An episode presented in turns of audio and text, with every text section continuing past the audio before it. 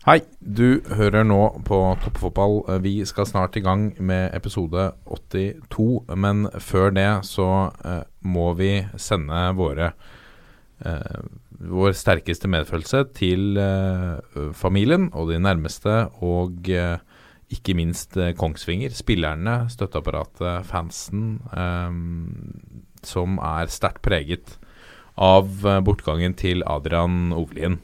Um, Lasse, hva var dine første tanker da du hørte om dette? Det er jo sjokk uh, når du leser om en 20 år gammel gutt uh, vel, altså gjennomtrent fotballspiller som plutselig bare går bort uh, raskt og uventa. Det, det, det, er vondt å lese om. Det, og det er sånn sjokkprega. Det er sånn du tenker det skal ikke skje. Og du, du får bare vondt av alle som kjente den, og alle rundt. Uh, ja.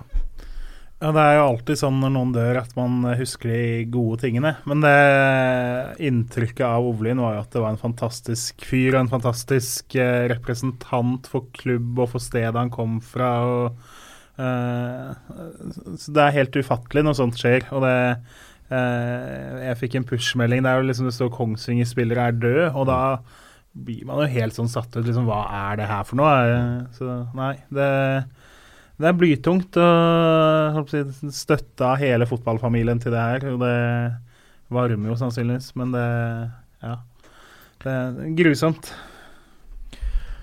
Eh, veldig tøft. Ord blir eh, fattige. Um, veldig flott å se hvordan eh, lokalmiljøet der uh, sto opp uh, og laget et, en, en menneskelig, et menneskelig hjerte i, i fakler. Uh, og jeg tror at det er i Adrian Ovliens uh, ånd at vi håper at uh, Kongsvinger kommer knallhardt tilbake på, på, banen etter dette med kaptein, unggutten. Så med det sagt fra toppfotballredaksjonen, en, en stor kondolanse til alle de nærmeste snakker for seg, og jeg prøver å gjøre jobben ute på banen. Og så får jeg holde kjeft utafor. Jeg vet at den er svak for skudd opp i krysset, så da bestemte jeg meg for å gjøre det. Og det visste jeg var flott. Målet er jo egentlig klabb og bap inni 16-meter. Det er ikke sånn at det er noen store målsjanser, men det er klabb og bap, selvfølgelig. Så uh... Det er ikke stilkarakter i fotball. Det er bare én ting som gjelder, og det er å vinne kamper.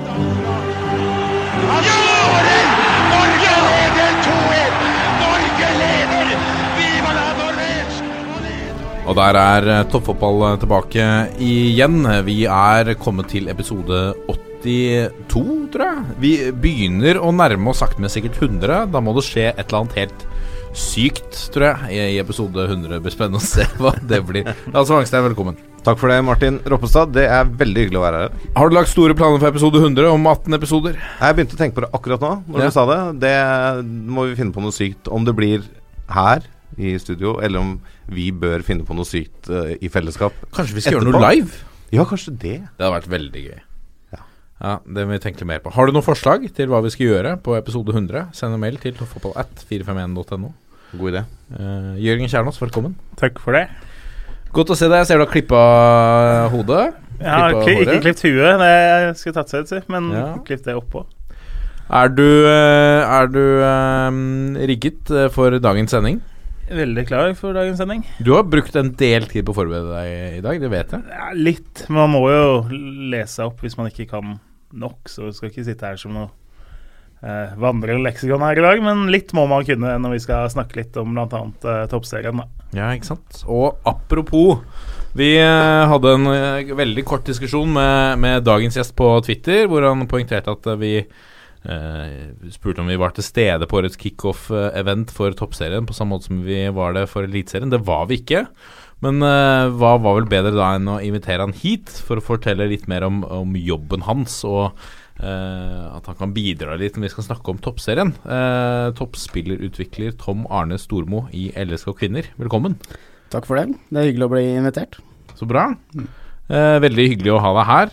Um, du er toppspillerutvikler i LSK Kvinner, som jeg har skjønt LSK Kvinner er en, egentlig en helt egen klubb? Ja, vi har jo bare to lag. Vi har et lag i toppserien, og så har vi et rekruttlag i andredivisjon. så vi bærer jo logoen til Lillestrøm sportsklubb, men vi har adda en liten kvinner under. Så vi er jo to separate klubber, selv om vi begge holder til på Lillestrøm. Og begge benytter oss av LSK og benytter oss av Åråsen når vi spiller Champions League. Og visse ting deler vi på, andre ting så er vi helt skilt. Ja. Men dere er uh, al- Altså, det må være litt ekstra stas. Eh, dere spiller jo Champions League, tross alt. Det, det har vel aldri skjedd på Når var siste Lillestrøm i Europacup? Lillestrøm herrer? Jeg var på Åråsen eh, mellom Lillestrøm og Newcastle. Jeg er Newcastle-fan, så det var Intertoto Cup. Det var i hvert fall litt eh, europeisk klasse der. Eh, men de røyk vel ganske fort ut av den. Har du ikke noe mot, mot Karjeng òg en gang? Ja, Kariang. Ja, Kariang, fra Luxembourg. Ja, men det, de hadde jo diverse fjerdeplasser der og et cupgull. Altså, så vi er vel Men Intertoto, hva kan det ha vært, da? Fem, seks, sju år siden? Noe sånt noe?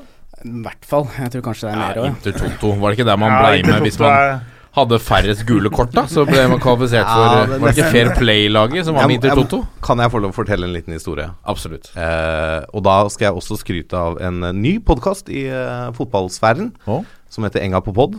Ja. Ledet av Freddy Dos Santos og Tina Wolff i Vålerenga fotball. De hadde Petter Myhre på besøk her eh, i forrige episode. Og han leda jo Vålerenga i 2000 og Nå må jeg tenke, Han tok over i 2006. eh, etter at Reka ikke gadd å reise rundt og bli pissa på. Og Da lå jo Lillestrøm veldig veldig godt an til den tredjeplassen som ga e-cup. Eh, men Vålerenga hadde en kjempehøst og gikk forbi Lillestrøm før siste kamp. Tok bronsen. Lillestrøm tok fjerdeplass. Det Petter Myhre glemte å fortelle i den poden, var at da, den kvelden så gikk Petter Myhre rundt og sang følgende sang. Intertoto, ole, ole, ole, ole, ole, ole. For det var jo selvfølgelig veldig gøy at vi snøyt uh, Lillesund for EQ-plassen og sendte dem til Intertoto isteden, da. Uh, så det Den sangen, den runga mye på den bronsefesten, altså. Men det glemte Petter å fortelle, så det Ja, det, det tror jeg på. Det skulle jeg vært og sett. Ehm, vi skal eh, vi, vi må først eh, gå gjennom La oss gå gjennom hva vi skal snakke om i denne sendingen. Um, vi skal fortsette med spalten uh, Rundens øyeblikk, hvor vi hver og en trekker fram et øyeblikk fra, fra uh, forrige runde. I, i, nå er det bare Eliteserien som er i gang. Så skal vi rett, Unnskyld. Uh, det er også tredjedivisjon. Ja, det har jo vært masse NM-kvalik uh, hele NM-kvalik er det selvfølgelig. Det stemmer, det. Det er startskuddet er godt. Eh, prematurt startskudd i tredjedivisjon. Men det er ingen seriekamper. Nei, det er 9. april er første match i andre divisjon. Kan du tease meg at det er ditt rundens øyeblikk fra NM-kvalik i tredje- i tredjedivisjon? Det er det. Oh, ja. For en legende. Eh, så skal vi snakke og bli enda bedre kjent med Tom Arne Stormo, og eh, snakke litt om årets eh, toppserie. Eh, der eh, står det eh, Altså, hvis vi snakker om at Rosenborg er suveren, på herresiden, så har Lillestrøm eh, litt det samme eh, å skilte med historisk de siste årene, men eh, nå er det mange som mener at det blir veldig tett, så det, det blir spennende å se. Eh, I pulsen skal vi snakke om Norge-Australia, som sparkes i gang i eh, morgen. Vi spiller inn i dag, torsdag, eh, og et par andre saker. Og så skal vi selvfølgelig også bruke litt tid på U21, som skal ut i noen matcher. Mm, også treningskamper, det, men de er viktige fram mot Er det en eh, EM-kvalik? 27. Men det er treningskamp også, er det ikke? I dag. Jeg ja. er ferdigspilt. Ja, ok. Åssen gikk det? Det var det Det ble 1-1 borte mot Italia. Oi, det er meget bra. Det er et anstendig resultat. Ja, det må vi kunne si.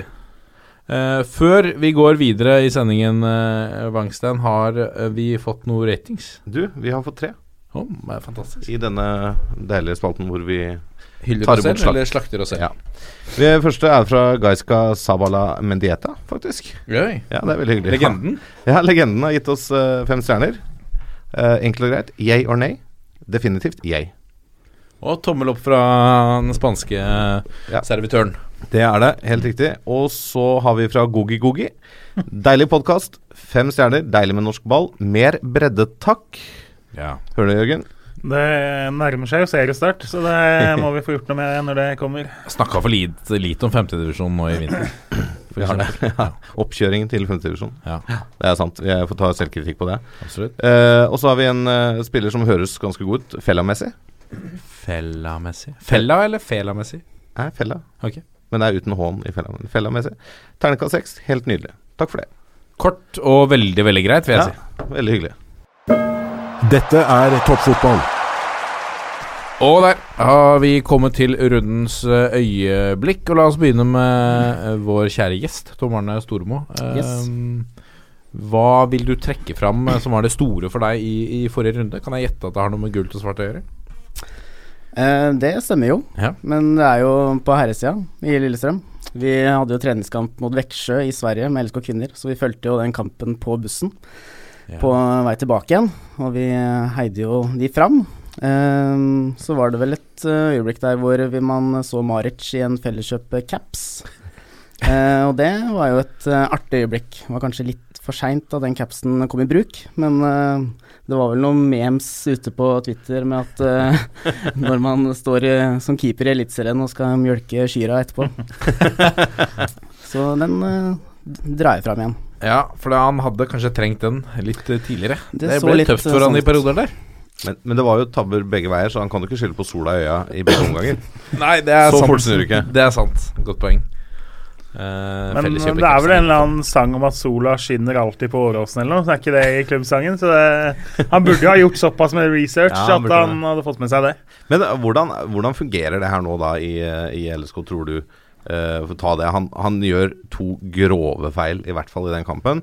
Han var vel ikke helt patent uh, i første runde heller, uh, og er liksom henta inn som førstekeeper. Uh, Går nå Arne Erlandsen og er litt usikker? Er dette mannen å satse på? Vurderer de å hente tilbake Origi, som fortsatt ikke har funnet seg klubb? Blir det han andre keeperen som rykker opp nå? Hva tror du skjer nå? Nei, jeg er litt usikker på hvor god han reservekeeperen egentlig er. Da. Han er vel ganske ung og uproven, han òg. Mm.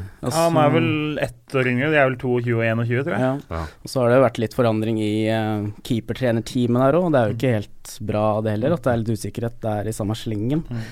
Så Nei, det er vanskelig å si hva Erlandsen gjør, om han tør å Det er mindre normalt å drive og bytte keeper. Mm, mm. Han hadde voldsom tro på han Maric før sesongen min, jeg husker jeg. At han uh, kunne se for seg at det skulle bli en stor profil i Lillestrøm.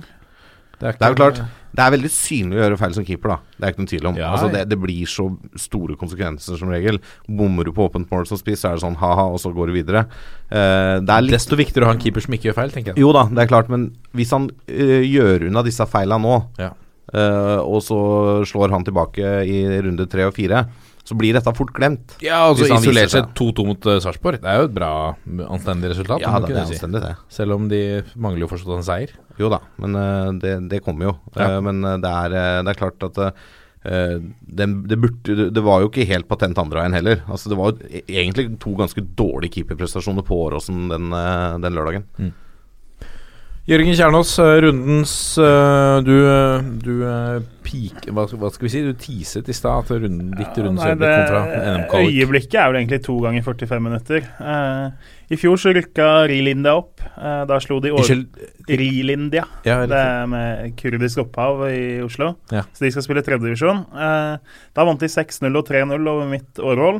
Uh, de møttes i NM-kvall i går. Da vant Årvoll 5-1. Oi! Tre mål av TV 2-ekspert Simen Stamsø Møller og ett av eh, Endre Osnes, eh, som også jobber i TV 2. Så det er en TV 2-prega match. Eh, så nå er det én kvalrunde igjen. Oslo-fotballen trenger et Årvoll-Vålerenga i første runde, syns jeg. Det, sist Årvoll var i første runde, var vel 2009. Da møtte de Hønefoss. Det var en veldig spesiell kamp for noen av oss, som jo er glad i begge laga. Eh, skulle Årvoll da vinne neste kvalrunde, så må de få Vålerenga. Det melder vi allerede nå. Hvor mange tror du det er som er glad i både Årvoll og Hønefoss? Eh, Et sted mellom én og én, kanskje. Det, Din far? ja, ja, det kan jo hende det er flere. Det finnes jo mye rare folk i verden. Men eh, ja, det er en litt merkelig blanding. Det er, det er sånn pølse i vaffel på ekstrem Faren hans hadde bare et profesjonelt forhold til Hønefoss. Selvsagt. Mm. Eh, nei, men det er spennende. Vi må følge Årvoll eh, litt. Det, blir, eh, det hadde vært veldig gøy med en første rundekamp mot Vålerenga. Det hadde vært kjempegøy. Men er, er det, det er Årvoll først og fremst, og dernest Hønefoss, eller klarer du ikke å skille på de to? Ja, det er litt sånn Litt både òg. Mm. Ja, Begge. De deler det ganske. Hva Eh, hvis de hadde møttes, da? I første Ja, de møttes jo da, som sagt, for ni-ti år siden. Da var jo Hønefoss såpass gode at de realistisk sett kunne gå et stykke i cupen. Så da ble det litt sånn Det var helt ålreit at Hønefoss vant 3-0 etter at Årvoll hadde gjort en ganske god kamp, da. Ja. Eh, Så noe lignende er fint, det. Men ja. det hadde vært jevnere hvis de, de to skulle møttes nå enn det det var, var da. Mangstein, jeg regner med du også håper at Vålerenga møter Årvoll i første runde i cupen, kanskje? Ja, kjempegøy med et uh, Oslo-derby, for å kalle det det, i første runde. Og jeg håper NFF legger seg i selen for å sette opp sånne type kamper, da. Ja. Hvor det blir kort reisevei, og det kan skape litt lokalt engasjement også i Oslo. Vålerenga og også Lillestrøm har jo av og til blitt sendt litt vekk fra sine hjemsteder for å møte litt eh, rare lag på Hadeland og sånne ting. Eh, så det hadde vært, det hadde vært kjempegøy. Ja. Helt klart. Eh, Men ditt eh, rundens øyeblikk, da? Du, det um, Jeg var litt i tvil, men jeg havna på Intility Arena. Uh, og der er det en situasjon i andre omgang hvor Vålerenga blir tildelt en straffespark.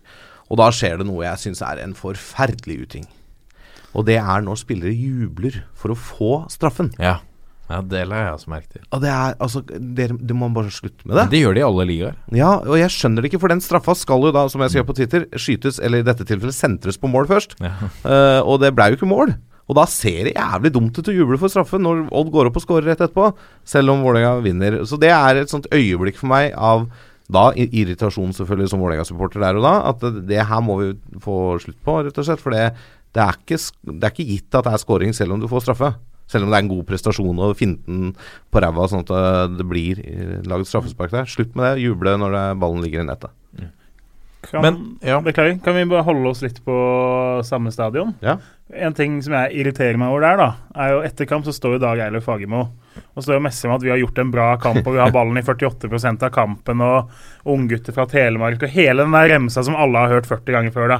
Og Det er greit at de har mye unggutter og uh, ikke så mye penger som andre, men de gjorde jo ikke noen god kamp. Altså, som Jeg, jeg satt og håpa at Please, reporter, konfrontere ham med det. Syns du virkelig det her var en god Odd-kamp? Mm.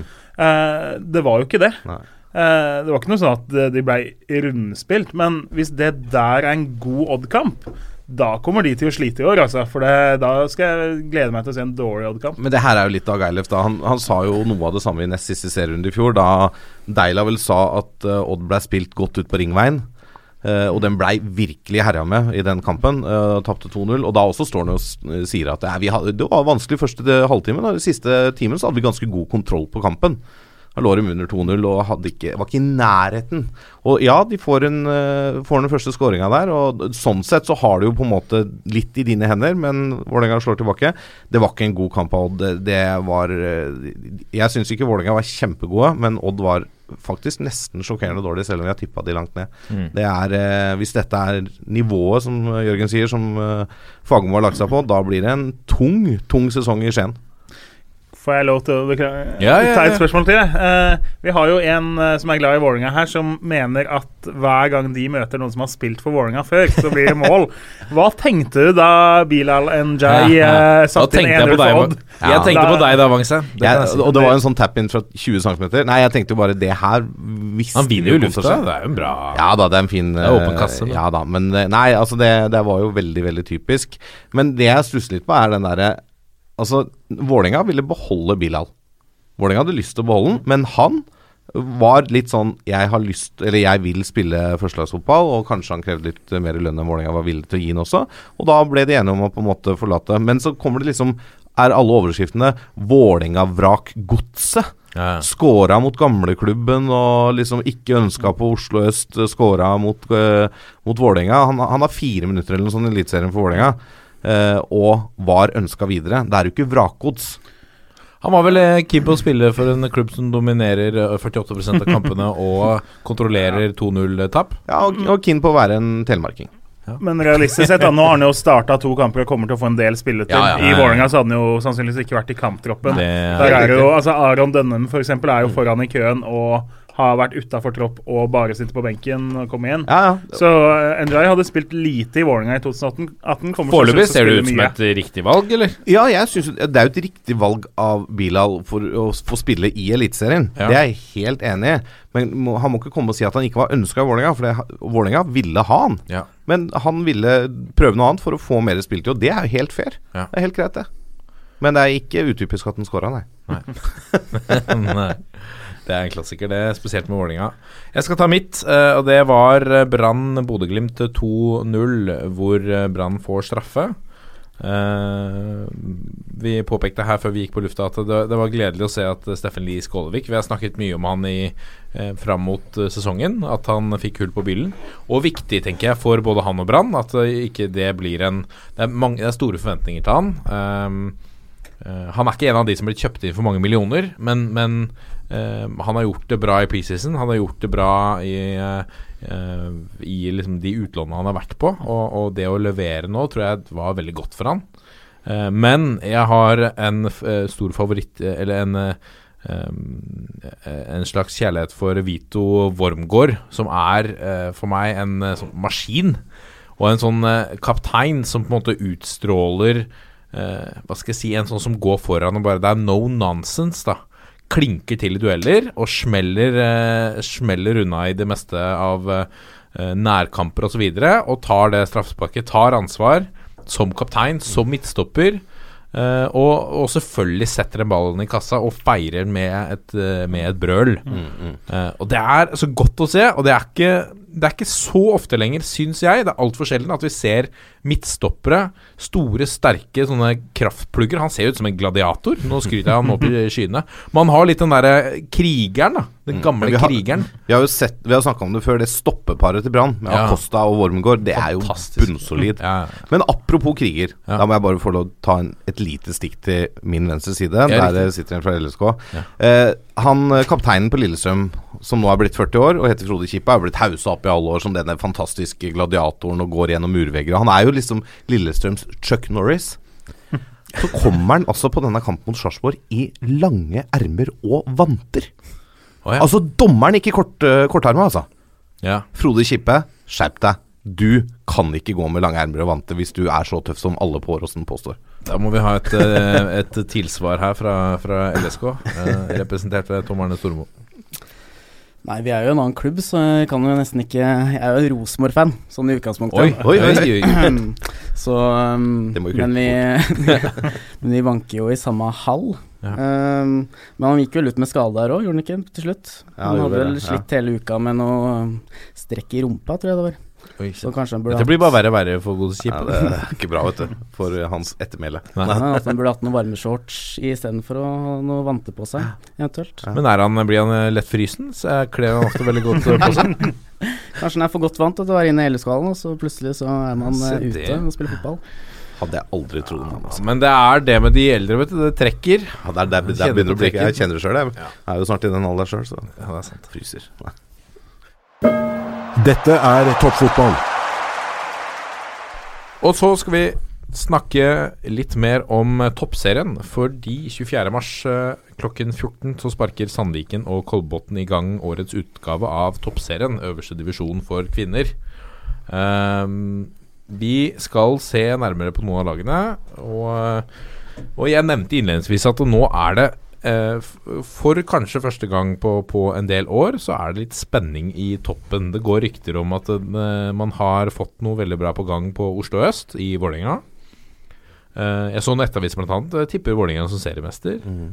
Eh, hva, hva er din umiddelbare reaksjon på det, Tom Arne? Dere er jo, bør jo være favoritter, som dere har vært eh, de siste vel seks-syv årene. Nei, vi liker jo at eh, andre medier eh, tipper Vålerenga på topp. Da kan vi sparke litt under, underfra. Men eh, Nei, det er vanskelig å si. Det, vi har i hvert fall hatt en ganske god oppkjøring. Holdt oss skadefrie, møtt internasjonal motstand.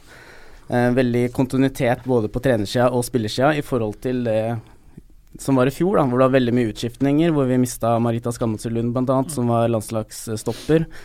Eh, og vi mista Lene Michelon, som også var landslagsspiller. Mange ut og mange nye inn. Eh, så jeg tror det var Nå begynte jo jeg i september, da, eh, men jeg har i hvert fall hørt at det har vært en mye bedre oppkjøring i år enn det var i fjor. Eh, så skal det jo sies at de rundt også har kanskje har styrka litt mer eh, i år enn det de gjorde i fjor. Så det blir jo spennende å se hva Vålerenga får til med de midlene. Eh, de har henta mange gode spillere, og så blir det spennende å se om Monica Knutsen greier å få dette opp og gå da, så tidlig. Eh, for vår del så er det nok en fordel å møte Vålerenga såpass tidlig. Ja, for dere har liksom den samme stammen i laget som dere avslutta med, med seriegullet i fjor? Ja, vi har vel eh, Hva var det vi har mista? Vi har mista Spord, eh, som gikk til Fiorentina og nå tilbake i Sandviken. Der har vi fått inn Inge Ingrid Syrstad Engen fra Trondheimsøren, som eh, tror, tror, tror det blir en forsterkning for oss. Hun gir oss uh, arbeidskapasitet defensivt som uh, kanskje har mangla litt på i midtbaneleddet. Og så har vi henta inn uh, Kempi fra Kolbotn, som som statistikkmessig ikke har skåret så veldig mye mål, men hun er en fin, uh, fin skuespiller for oss. Uh, og så har vi beholdt uh, stammen. Vi har jo landslagsspillere over hele linja. Mm. Jeg tenker det er jo nydelig da, for toppserien hvis vi kan faktisk få en kamp mellom LSK og Vålerenga. At det er gullkampen, og at den varer langt utpå høsten. Så interessemessig og tilskuermessig, det er ikke mulig å få noe bedre scenario enn det. Jeg er helt enig. Nå har jo Avaldsnes vært uh, på en måte med der oppe og kjempa litt de siste åra også. Hvis de også kan henge seg på, sånn at du egentlig får en sånn tre, en trio på topp der, som kjemper om uh, gullet, er jo fantastisk. Men jeg syns liksom å ikke tippe LSK øverst, syns jeg blir litt vanskelig. For det, hvis du ser siden 2012, da, så har LSK fire gull og ett sølv. Nei, sorry, fem gull og ett sølv. Mm. Fire gull på rad. Mm. Uh, I samme periode har Vålerenga følgende plasseringsrekke. 7, 9, 10, 7, 5 og 8.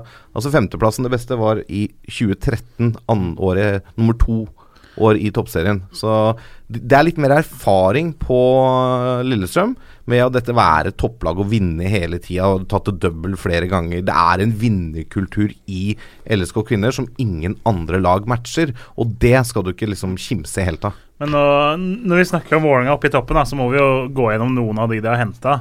Uh, Isabel Herlovsen er jo en av de største profilene norsk fotball har hatt uh, på kvinnesida det siste ti året. Mm. Uh, Sherida Spitze, som var kaptein vel for Nederland da de kom til EM-finale. Marte Mm. Berga har jo kommet fra LSK, søstera til Jo Inge. Har vært i Vålerenga før. Ja, uh, De har henta også andre. da. Ingrid Schjelderup, som kommer tilbake fra Fiorentina. Guro Pettersen er jo en ganske uh, profilert spiller, da, selv om hun kanskje må kjempe hardt om den keeperplassen. Uh, og så Marie Markussen, som da kommer fra Wolfsburg. Altså, de har jo henta et helt nytt lag. De har også henta flere fra Stabæk. og eh, Det er ikke mange igjen i den første elveren som også var i Vålerenga i fjor. Eh, så nå, siste jeg så, de hadde solgt 404 sesongkort. var siste jeg så, og Det er jo et imponerende tall i toppserien, det. Mm. Eh, som er litt sånn ok, de pusher ut penger og kjører en sånn quick fix og bytter alt. Eh, man kan jo mislike det på alle nivåer eh, i fotball når det skjer. Men at det på en måte er noen som satser og gutser litt, at det kan bli litt kamp om gullet, da. Mm. Jeg som nøytral syns i hvert fall det eh, er sårt tiltrengt. Ja, Så har vi jo nyopprykkede Lyn også, så du har jo flere, flere kamper som har historisk faktor her. Vålerenga-Lyn, du har Lillestrøm-Vålerenga. Ja. Det, ja, det blir, det blir noen lokaldarbyer her, og et bydarby som Det, det er jo gøy for supporterne, altså for de som uh, interesserer seg litt for toppserien her, så blir jo dette kjempegøy. Uh, også dette med å pushe ut penger, ja. Jeg er helt enig at man kan like eller mislike det, men eh, de siste årene så er det jo egentlig bare LSK og Avaldsnes som har hatt midler til å satse eh, toppidrett i toppserien. Altså det- er nesten de eneste klubbene som har hatt fulltidsspillere. De fleste andre klubbene har jo hatt spillere som også har hatt jobb eller studie ved siden av. Eh, så det er, at det er flere klubber som kommer opp på det nivået, syns jeg er bra. Det er bra for utviklingen av kvinnefotballen i Norge. Og det er bra for interessen, tror jeg, rundt toppserien.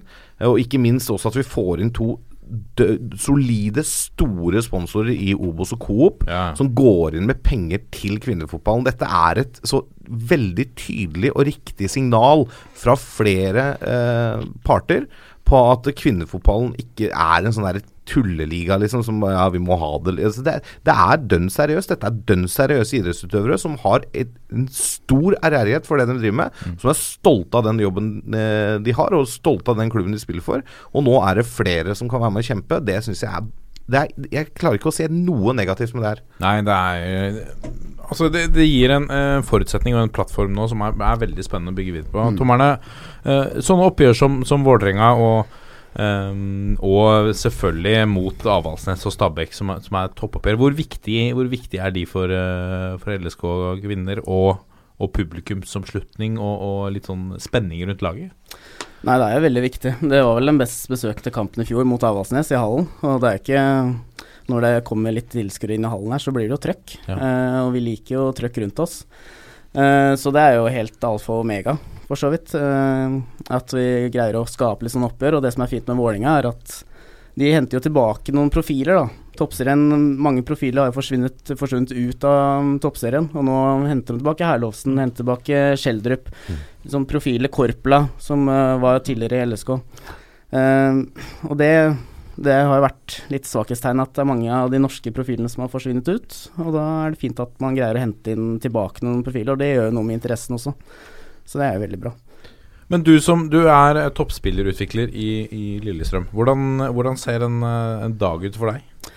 Nei, den er veldig variert. I utgangspunktet så skal jeg følge opp um, de yngre spillerne på A-laget, og de som uh, kanskje trenger et lite Ta et ekstra steg fra, steg fra rekrutt og opp til A-lag. Så det ligger jo i tittelen at man skal prøve å skape litt uh, toppspillere. Uh, og det er mange av de jentene her som ikke har kanskje fått den oppfølginga tidligere, så det er veldig bra at det har blitt satt av midler så alle klubbene nå får ha toppstudieutviklere. Og så er det forskjellig fra klubb til klubb hvordan hvordan den løses. Uh, vi er jo en ganske liten klubb, så det er kanskje mer naturlig for meg også å ta litt mer ansvar ut i Akershus fotballkrets. Uh, arrangere litt rolleøkter for de største talentene i kretsen, slik at uh, ja, de LSK kvinner er ute og viser seg litt fram. Da. Det er kanskje litt vanskeligere i Oslo fotballkrets, hvor det er tre-fire toppserieklubber. Så det er alt fra vi har valgt ut fire spillere som liksom skal følge ekstra tett fra Ekerut. Og så ukesplaner leverer jeg ut, vi finner klipp, vi følger dem på trening, følger dem på kamp. Alt for at de skal ta det siste steget. Og så har vi mange unge Det er mange unge i toppseriestallen nå som har fått, ja, fått veldig mye spiltid til tross for sin unge, unge alder, og så er det ikke helt ferdig utvikla, og da kommer min rolle inn.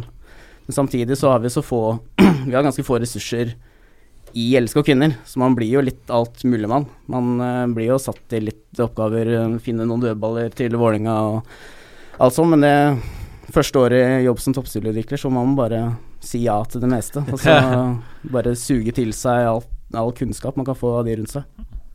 Vi kjenner jo Hege Riise godt. For meg så, så husker jeg Hege Riise aller best for, for de fantastiske øyeblikkene med, med landslaget. Um, og hun var jo uh, verdens beste fotballspiller på, på kvinnesiden. Hvordan, hvor tett er du på henne, og, og, hvordan er hun å jobbe med?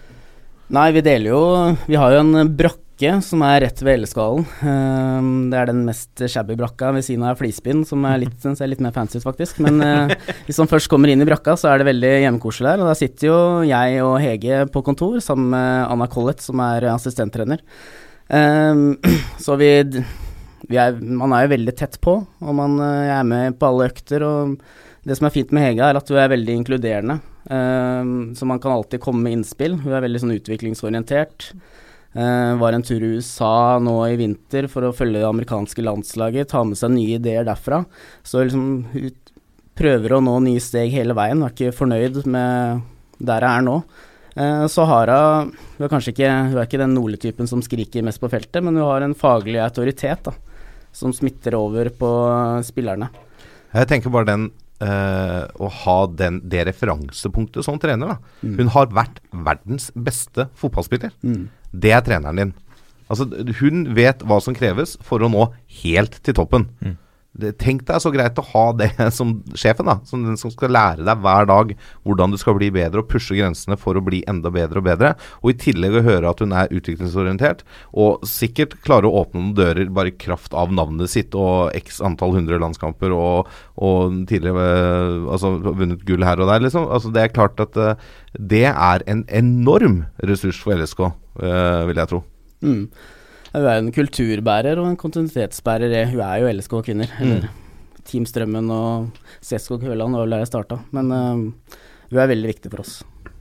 Potensielt er det kanskje den nye neste landslagssjefen? Eller uh, Monica Knutsen også nevnes jo til, til den rollen mm. I, uh, på trappene. Ja. Det, jo, det blir jo spennende å se hva de velger Altså Eh, hvor lenge han uh, svensken får sitte. Mm. Uh, og Så blir det spennende å se hva de velger neste gang. Mange trodde vel at uh, Knutsen skulle ta det nå sist, og ble kanskje litt overraska at det ikke ble sånn. Uh, så det, det, er jo vanskelig å se inn i den kula, men det er helt klart at jeg syns det er veldig gøy å se at vi i hvert fall i to av de klubbene som er forventa å være med og kjempe i toppen, har to kvinnelige trenere. Og at de også er helt åpenbare kandidater for NFF. Det må de være, i kraft av erfaring og både som spillere og trenere. Eh, det er jo kjempegøy at vi har de, eh, og, og de er så faglig sterke at de står ikke tilbake for noen, mener jeg. Og nå har jo, Hvis vi regner Avaldsnes da, som er tredje vi tenker at kan være med i toppen, så henta jo de Lena Tyriberget. er jo, På papiret så er hun vel sportslig leder, men hun skal vel også ta ut laget og sånn. Så manager, mer manager, egentlig, da. Eh, som da kommer fra NFF-systemet og eh, nå har tatt over der. Eh, så det er jo faktisk kvinnelige trenere for alle de tre reelle gullkandidatene. da. Ja, det er kjempebra. Og det, det viser at uh, det, man kan på en måte nå langt uh, på den, uh, i den karriereveien òg. sånn hvis du tenker litt sånn mer historisk perspektiv på det. Det er ikke så mange år siden det nesten var utenkelig at det var kvinnetrenere selv i kvinnefotball. Nei, det er veldig Det er en veldig god eh, utvikling. Uh, Vangstein snakket litt om uh, nye avtalen med Obos og, og Coop og de stegene som blir tatt, som, som på en måte også er et slags stikk til, eh, til det arbeidet som har vært gjort tidligere, og, og eh, jobben som har vært gjort i NFF også, kanskje. eh, når man sopet inn nærmere 100 millioner på et halvt år. Eh, hvordan har det påvirket stemningen i, i klubben? Uh, nei, jentene er jo veldig glade for det. De føler seg jo sett, og de, ja, de føler at de blir satsa på, da. Uh, så har vi jo ikke merka så mye i hverdagen vår sånn enda, men det er jo satt av, som det blir sagt, en del øremerka midler. Bl.a. 300 000 til marked, som mange, eller alle toppserielag trenger jo noen til å jobbe med marked for å få inn penger på egen hånd. Og så kan man søke om eh, 100 000 til spillerutvikling. Man kan søke om 100 000 til proffdager, som eh, vi har hatt eh, en del år nå, men nå kan vi faktisk eh, Ja, vi får det oppå der igjen, da. Eh, så jentene er jo veldig, veldig fornøyd. Og det er morsomt å høre på kickoffen. Obos-sjefen han strutter jo, han vil jo bare dele ut, virker det som. Eh, så det er morsomt at noen tar tak, og det kommer vel som slags følge av et dårlig EM da, for Norge Norge i sommer, og så balla det på seg. Men det må være veldig motiverende, tenker jeg, som eh, kvinnelig fotballspiller å se at det er så mange som bryr seg, og at det legges midler i det. Uh, tenker i treningsarbeid òg, at du liksom også kanskje da kan ha muligheten flere klubber til å kjøpe fri spillere i mer timer av døgnet, sånn at de kan fokusere enda mer på det å være toppidrettsutøvere. Det tenker jeg må, må, må være motiverende både for spillere og klubber. Eh, så dette er jo helt strålende nyheter, at eh, alt det her baller på seg nå. Ja, og det holder jo spillerne at de kan drive på lenger også. mm. mm. Det er mange som gir seg i altfor tidlig alder for det å kombinere jobb, studier og drive toppidrett. da. Det krever jo sin dame. Så dette, in the long run, så tror jeg dette her vil gi frukter. Mm. Og jeg tenker litt på, litt som vi var inne på, symbolikken i dette er eh, Altså den er ikke viktigere enn pengene, men den er innmari viktig den òg, for å vise at her er det eh, Dette vil vi satse på. Dette er viktig. Norsk Tipping også har jo tatt eh, noen steg der for å markere at at det som måten uh, Eliteserien Det er en grunn til at de trakk seg fra Tippeligaen også. Måten det har vært drevet på. eh, eh, måten penger brukes osv. De stiller seg ikke bak det. De vil bruke mer penger på, på um, uh, Hva er det fra andredivisjon nedover, eller fra tredjedivisjon nedover, og, og toppserien på, på kvinnesiden. Uh, fordi der ser man at disse pengene gjør en stor forskjell. Eh, det, er, det er veldig spennende. Og, og jeg håper jo også, på lik linje med, med forhåpentligvis veldig mange, at dette er på en måte startskuddet på en endring av en slags diskurs. da At vi man snakker, begynner å snakke om fremsnakke kvinnefotballen på en annen måte enn man har gjort tidligere. For der har man eh, Der har man slitt, og der mener jeg fortsatt at eh, at uh, nettopp pga. at Norges Fotballforbund har gitt kvinnefotballen Eller har forsømt den litt eh, jeg, tror, jeg, jeg tror ikke man skal forvente seg 100 millioner fra NFF, men, men at de har forsømt den på den måten at eh, hva er det vi eh, satt og snakket om her? At eh, merkene, eh, emblemene til og med til draktene i kvinnefotballen kom for seint til at det ble sydd på. Altså det var, det var så mye sånn surr, da. Um, Ja, det- og, og det må vi snu. Ja, altså, og alle skjønner jo det her at uh, isolert sett så er det sannsynligvis et, et større, større markedskrefter og mye mer uh, penger å hente fra herrefotballen. Både på, På landslagsfotball og på verdensbasis, og i eliteserier kontra toppserier og alle sånne ting. Alle skjønner det. Men det er jo ikke det det handler om at det skal være liksom helt liksom lik lønn, lik arbeid, altså uh, type ting. Men det er noe med den symbolikken som du snakker om, at uh, det er flere som går nå i front og sier at det her Vi har lyst til å bidra til å løfte dette ett eller to eller tre hakk. Eh, og gi dem den oppmerksomheten de kanskje fortjener, og gi dem muligheten til å vise seg fram for et bredere publikum og få frem enda flere gode spillere. For det er ikke noen tvil om at norsk kvinnefotball har havna litt i bakleksa kontra hvordan det var for 10-15 år siden, da, eller 20 år siden, når eh, norsk kvinnefotball var verdensledende. Det er jo en stund siden også landslaget har vært. Og det, det her vil jo forhåpentligvis bære frukter ned til landslagsnivå, eller opp til landslagsnivå eh, også i fremtiden. Men hva tenker vi nå, da? Om vi har, eh, som nevnt, et, et landslag som er eh, Det er noen år siden vi var der vi skal være, med, helt i verdenstoppen, med, med kvinnelandslaget. Nå med en, en serie som er kanskje Det er, er tettere i toppen enn enn på de siste syv årene. Eh, det må jo være en styrke for, eh, for landslaget at det, det knives helt. Altså Det er en mye jevnere, eh, jevnere bedre serie. At vi er har lagt den tiden bak oss hvor Trondheimsøren og Røa vinner 12-0 i en seriekamp. Hva, hva tenker du om det, Jørgen? Eh, jo, jeg håper jo vi har lagt bak oss den tida. Eh, I fjor så hadde vi jo et lag som starta med en utespiller i mål i toppserien, så det er jo fortsatt litt eh, på en måte Noen av klubba har jo fortsatt en vei å gå, da. Eh, nå er jo eh, Det var jo Mekkila. De er vel nede nå, så da eh, men det er klart at altså, Jo bedre og jevnere nivået er, jo bedre blir du av å spille der. Det er jo ikke kjempeutviklende å drive og vinne 12-0 i fem-seks kamper eh, en sesong. Er, eh, men så er det jo litt sånn Jeg tenker det er Seks av tolv klubber er fra Oslo, da, eller rett utafor Oslo. Eh, det er jo litt sånn kannibalisme på markedet der, og at man henter fra hverandre og kjemper om de samme spillerne. Og, uh, Det er jo for mange klubber i toppserien. ja. Det burde jo vært kutta ned. Mm. Uh, Så man fikk uh, flere kamper med høyere kvalitet. Mm. det var jo LSK kvinner, vi vant jo ganske mye mot de båndlagene i fjor òg. Og når du sier at det er såpass mange i Oslo-området, og nå er liksom Øvrevoll Hosle er vel tippa til å rykke opp fra førstedivisjon, og hvis i dag hvis man kan si at Eller hvis Gram Bodø og Trondheim som rykker ned, da, Mm. så er kanskje Ja, det nordligste laget, hva er det da? Det, ja, da Det er vel nesten på LSK, da.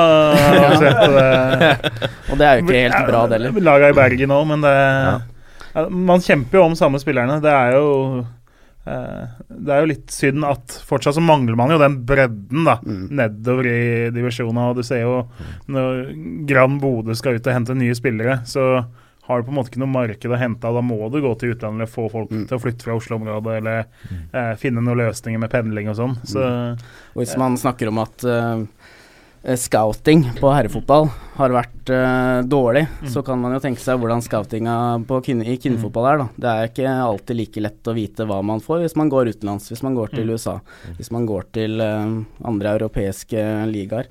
Så det er jo Ja.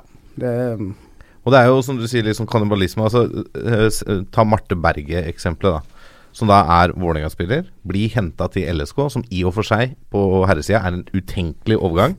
Og så blir henta tilbake til Vålerenga. Nok en utenkelig overgang der, altså. På samme dama. altså, det er sånn det, Så det er, litt, det, det er jo et litt annet nivå på på den biten. Og så er det klart at Vålerenga har jo henta en del utenlandske spillere òg, og andre klubber også har mange av de. Men jeg tror ikke det nødvendigvis er feil, da. For at treningshverdagen blir et knepp opp for de norske jentene som er med. Og kamphverdagen blir et knepp opp for de norske jentene som er med, og det gjør de bedre. Så i hvert fall i en sånn fase nå, så tror jeg det er helt riktig å hente toppspillere utenfra som er bedre enn det som er. Mm. så trenger vi litt profiler, akkurat Ja. som vi trenger i Eliteserien nå. Vi har, vi har kritisert Eliteserien for å ha de største profilene, er jo, sitter jo på trenerbenken. Så, um, så jo flere sånne som kommer inn, jo, jo, jo bedre er det for, uh, for ligaen. mm. Um, Nei, Så lenge det er eh, profiler som man veit holder eh, internasjonal klasse, så er det bra for toppserien. Um, Avaldsnes har vel henta kapteinen til Sør-Korea nå, og det blir jo spennende å se hvordan hun gjør det i toppserien. Hun bør være et løft, så lenge man henter sånne spillere. Men de, eh, ja, det koster jo igjen, da, og da må man jo finne de midla på en eller annen måte òg.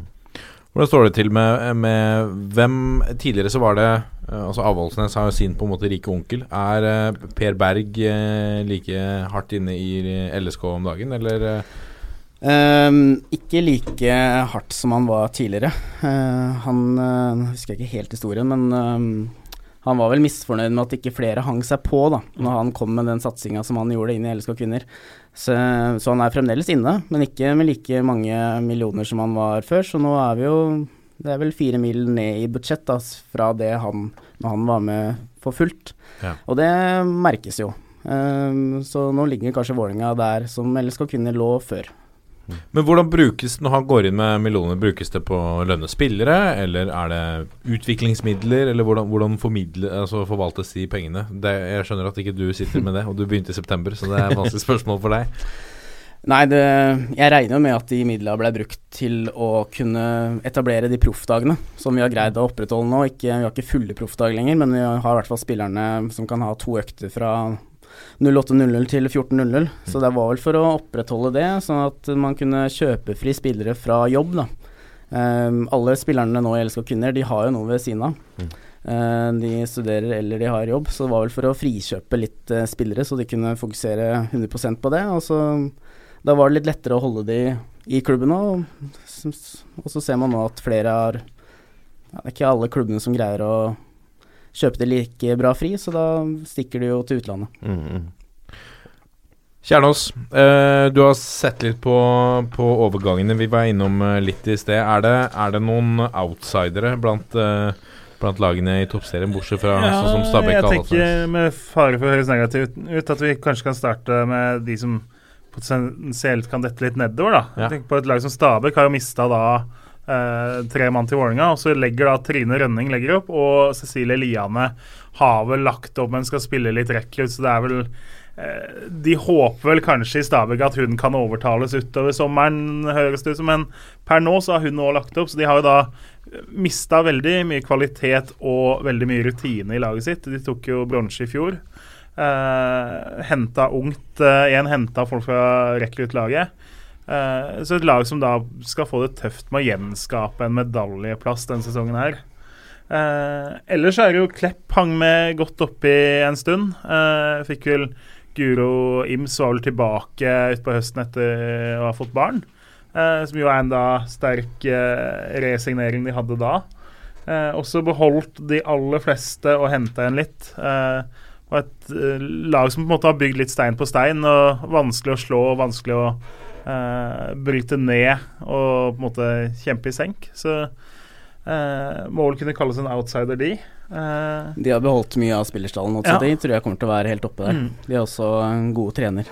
Og så er det jo da altså disse lagene i, i uh, Bergen, hvor da sant, Sandviken har henta bl.a. Ingrid Spord, endte jo opp der via Italia. Uh, henta litt fra utlandet, hvor det er vanskelig å si da når du henter folk fra USA og fra Mexico, så uh, skal vi ikke sitte her og skryte at vi har sett de spille. Men uh, også lag som på en måte kan, bør ha et ambisjon om å henge med et stykke oppi der, da. Mm. Men sånn på papiret så er det jo naturlig at det er Vålerenga og LSK som er de to sterke sammen med Avaldsnes, som er et litt større spørsmålstegn kanskje i år, da. Fordi de I Avaldsnes er man jo, selv om de har henta hun her sørkoreaneren uh, som er god på midten uh, Hun skal jo da, hun er vel ikke så skjønte, så språkmektig og skal spille sammen med to som snakker kun, omtrent kun portugisisk. så det er jo på en måte en Det er en. Det er jo en faktor, det òg. Ja. Altså, gode spillere, men du skal tross alt danne en midtbane sammen også. litt usikkerhet. da, De har jo mista Elise Thorsnes, forsvant. De Eh, det har jo vært litt sånn muring etter at han treneren eh, trakk seg jo litt, og det har vært litt påstander om at dattera til han Arne Utvik har fått litt lettere vei til laget, kanskje fordi hun er Altså, det var litt sånn, eh, litt sånn offentlig skittentøysvask der en stund eh, før jul her, så så fikk de på plass treneren ganske seint ja. også, egentlig. Og så er det jo en sånn mellomløsning nå med Tyre Berge og han mm. Roar Wold, som er kretssansvarlig mm. borti der. Han er vel litt inne som en sånn slags sportssjef nå, og hvem skal man forholde seg til? Så Ikke sant. Så, for jeg så kommer jeg fra amerikansk eh, collegefotball eller hva det er, som da også skal være trener, men det blir jo nesten en assistenttrenerrolle. og Uh, og så henta litt sånn, De henta keeper, og så de fant ut at de måtte hente enda en keeper. Det lover på en måte ikke godt for det virker jo ikke som du har helt kontroll da, når du går ut på en måte nå har vi henta en erstatter for keeperen vår, og så eh, et par måneder seinere må vi hente enda en keeper da, som skal gå inn og være førstekeeper. Eh, det blir interessant å se. De er vel et større spørsmålstegn enn Vålerenga og LSK, som vi på en måte omtrent kan garantere at kommer til å være der, da. Ja, de har vel ikke skåret mål på tre-fire kamper Mm. i treningskamper. Um, så det blir spennende å se hva Avaldsnes um, får ut av det mannskapet de har. Eh, skal vi, før, før vi eh, Kan vi få et eh, tips fra Kjernås, på, på topp tre på toppserien? Ja, da med Si at Vålerenga er sterkest her, da, så kan Oi. vi få noen andre meninger uh, ellers rundt bordet. Så, altså Vålerenga 1, LSK 2, og så uh, går vi da for Klepp 3 og Avaldsnes 4. Hva, du skyver Klepp ja, foran, foran Ja, litt, litt lite skudd i blinde er det, men altså det, det er så naturlig med de topp tre, så litt varians må vi ha da, fra den malen alle legger seg på. Ja, men de hang seg jo på helt der oppe i fjor også. De vant jo cupen nå, Avaldsnes. Ikke sant? Og så er jo da ikke sånn Arna-Bjørnar òg, da vi snakka om. Sandviken Ja. nå, så er jo Arna-Bjørnar også et solid lag som eh, eh, ikke er lett å slå, og som eh, med litt flyt eh, også kan henge med et godt stykke oppe. Så var det. Eh, jeg tror jeg vet hvem som Hvem du tipper helt på toppen. Um, Eh, Eller? Seriefavoritt er vel uh, Vålerenga, men, uh, Legger presset over på andre, vet du. men uh, jeg har jo stor tro på LSK kvinner. Um, som jeg snakka om, den kontinuiteten som vi har hatt nå. Og den oppkjøringa som har vært veldig bra. I forhold til den oppkjøringa som Vålerenga har hatt. Jeg tror de ikke har stilt med um, førsteelveren sin i én treningskamp. Um, vært litt uh, skadeplaga, både Herlovsen, Skjeldrup. Um, så jeg tror det kommer til å ta litt tid før det der setter seg. og Altså et, de toppkampene mellom Vålerenga og Lillestrøm, der kan det være ganske jevnt. Og så tror jeg det er avhengig av hvem som ikke går på noen smeller da, mot de litt svakere lagene. Og da tror jeg da tror jeg det vil skinne gjennom at uh, forhåpentligvis LSK kvinner eh, kan uh, gjøre det bedre der. Uh, Du nevnte vel litt i stad at det er kanskje bra Det er en, bra tid å møte Vålerenga på for dere nå i første seriekamp. mm. Eh, det kanskje deres altså LSK ser litt mer rusta ut og er litt mer samspilt enn det Vålerenga har virka. Og det er jo klart, med så mye utskiftninger som Vålerenga har hatt, så det er jo ikke bare å knipse, så sitter dette, selv om det er gode spillere. De må bli kjent med hverandre, må finne relasjoner og sånne ting. Um, og om Vålerenga skulle tape første serierunde, så du kommer liksom litt på hæla med en gang, da. Mm. Eh, du må jage hele veien. Eh, så jeg er litt der. Ja, og de har vel alt, alt eh, press på seg? Ja, det er det òg. De har et press de ikke er vant til. Mm. Altså Nå forventer alle at Vålerenga skal liksom herje i toppserien. Eh, det er ikke Vålerenga vant til. Det er det jeg nevnte litt i stad. Den der vinnerkulturen som sitter i veggene hos LSK kvinner. De har altså fire seriegull på rad. Eh, Har vunnet fem av de siste seks, og den de ikke vant, tok de sølv. Det, det, det sitter i klubb, det sitter i spillerne, det sitter i ryggmargen i hele organisasjonen der oppe. Og det skal du ikke undervurdere, altså, for det, det er sterkt å, altså, å ha med seg noe sånt. Det, det, er, det er bra ballast. Mm. Og når våre spillere ligger i Spania i desember og får tikkende inn at Herlovsen signerer for Vålerenga, Mm. Spitze signerer for Vålerenga, Monica Knutsen går til Vålerenga da, Man gleder seg jo bare til å begynne med oppkjøringa igjen. eh, så man kunne ikke gitt en bedre motivasjonsfaktor til våre spillere enn akkurat det. Så det tror jeg også kommer til å skinne litt gjennom. Hvem var det på plassene bak Men da eh, er det sånn at du tipper Vålerenga som seriemester? Ja, det kan vi godt eh, Altså, gjøre. men du har LSK på andre, eller? Ja, vi må jo Det blir vel mellom Vålerenga og LSK. Det er viktig å komme topp to i forhold til Champions League òg. Så vi legger alt presset opp på Vålerenga, så får vi se hvordan det går. Hvem har det på bronse, da? Nei, da tror jeg Nå skal jeg ikke skryte på meg at jeg har sett veldig mye av Klepp i oppkjøringa, men eh, de har i hvert fall beholdt eh, store deler av spillerstallen. Um, og har en kontinuitet der, de også. Så jeg tror pga. kontinuiteten at det kanskje da bikker Avaldsnes uh, ned et hakk. Uh, Avaldsnes kommer også til å bli bedre utover, men uh, vi setter Klepp på tredje, og så Avaldsnes på fjerde, og så kan jo mange lag under også kan være med å kjempe opp, eh, opp under der. Før vi runder av dette, så la jeg merke til at uh, det, det er jo veldig bra med byderby. Nå blir jo det første Lyn mot Vålinga uh, var satt opp 28. mars klokka fem. Det er Eh, en onsdag midt i påsken. Hva eh, mm, mm, Ja, det er andre serierunde, for så vidt. Første serierunde. Ja. Det er satt opp uh, Vålinga-Lillestrøm, en rysere, på Intility Arena 24. mars klokka fem. Mm. Hva er tanken her? Nå er den utsatt, riktignok. Nei, går. Vålerenga-Lillestrøm går. Går. eh, Lyn Vålerenga er utsatt. Nei, altså eh, Tanken er vel at eh, nå er det seriestart, og den ble lagt denne helga her. Ja. Eh, og jeg, det, jeg syns egentlig den er helt grei. Å sette opp den den første lørdagen i påskeuka. Vålerenga-Lillestrøm. Uh, Vålerenga-Lillestrøm eh, kunne selvfølgelig valgt noen andre lag. At uh, Vålerenga hadde møtt et annet lag på Intility, og Lillestrøm hadde møtt et annet lag borte, f.eks. Og så venta litt med den, den Derby-kampen. Men jeg skjønner jo også interessen til NFF til å liksom få dette i gang med et smell, da.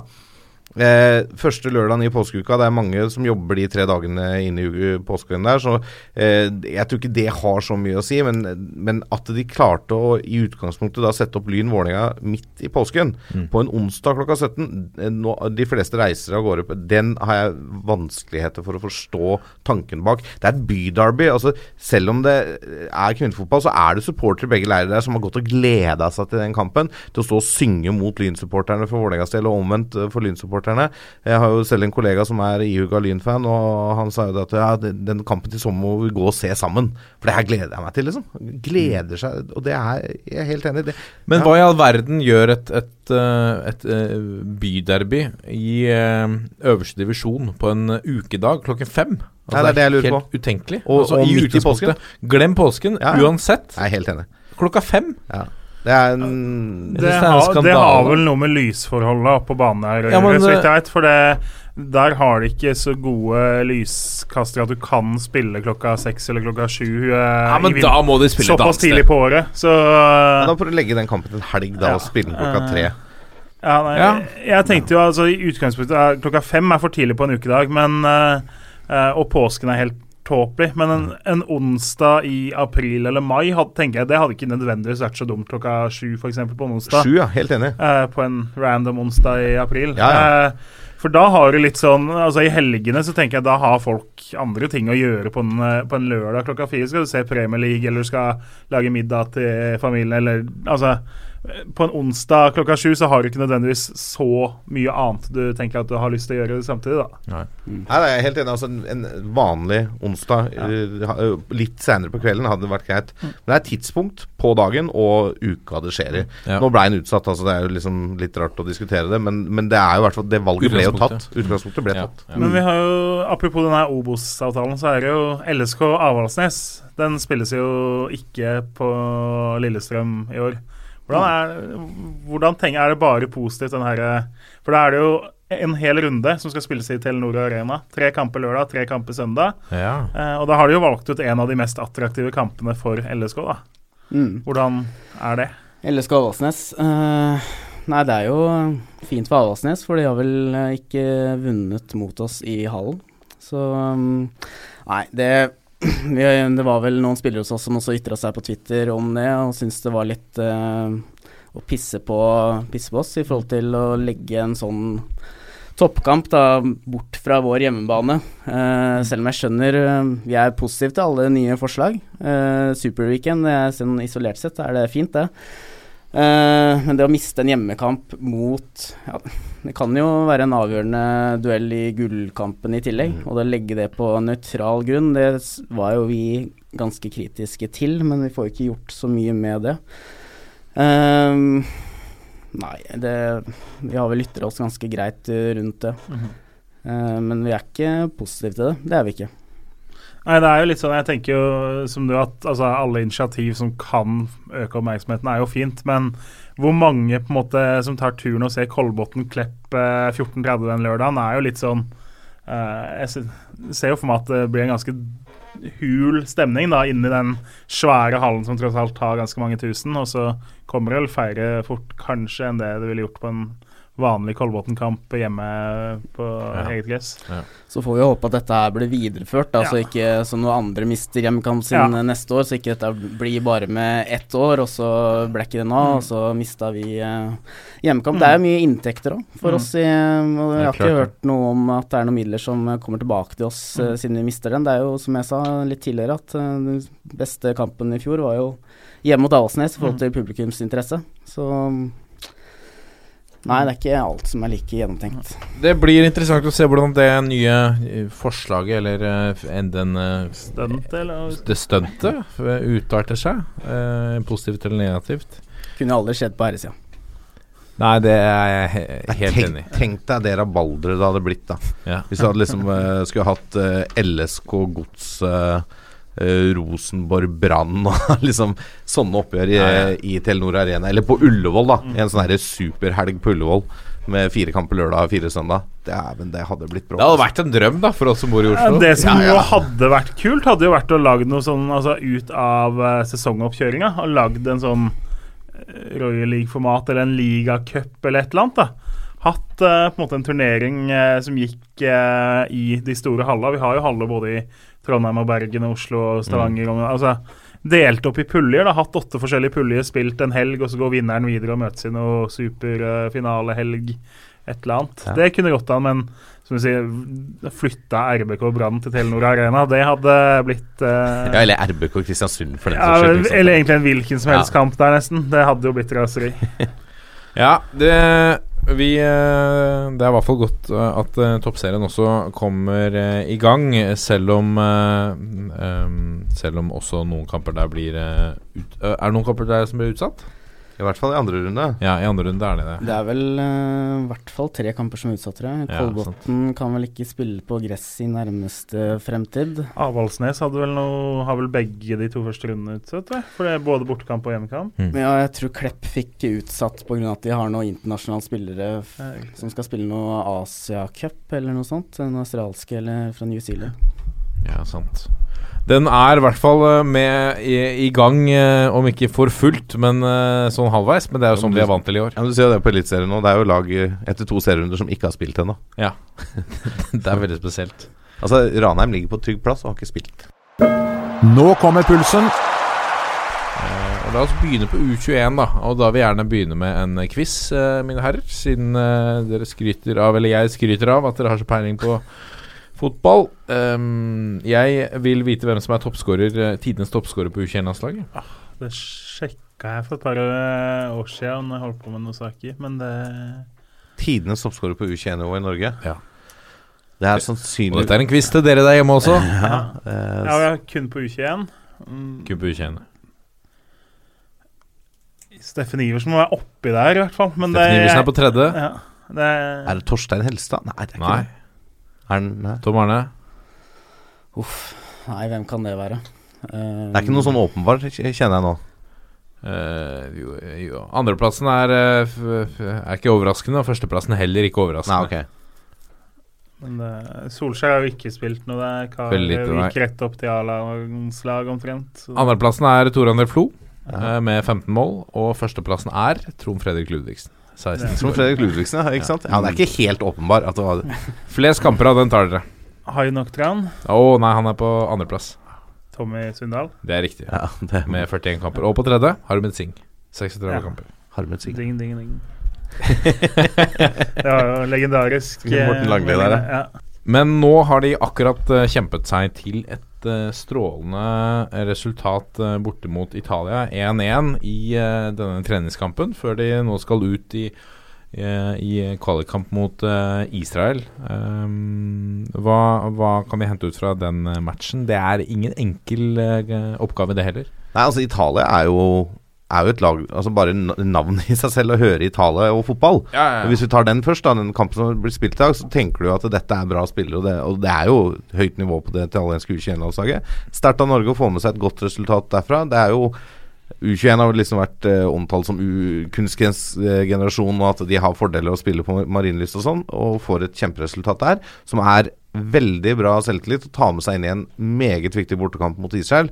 For til tross for denne lille blunderen med det gule kortet til Kristoffer Ayer, som gjorde at vi mista en 5-0-seier, så er Norge delvis med i kampen om EM-plass, men da må jo resten av kampene vinnes og alt gå riktig vei.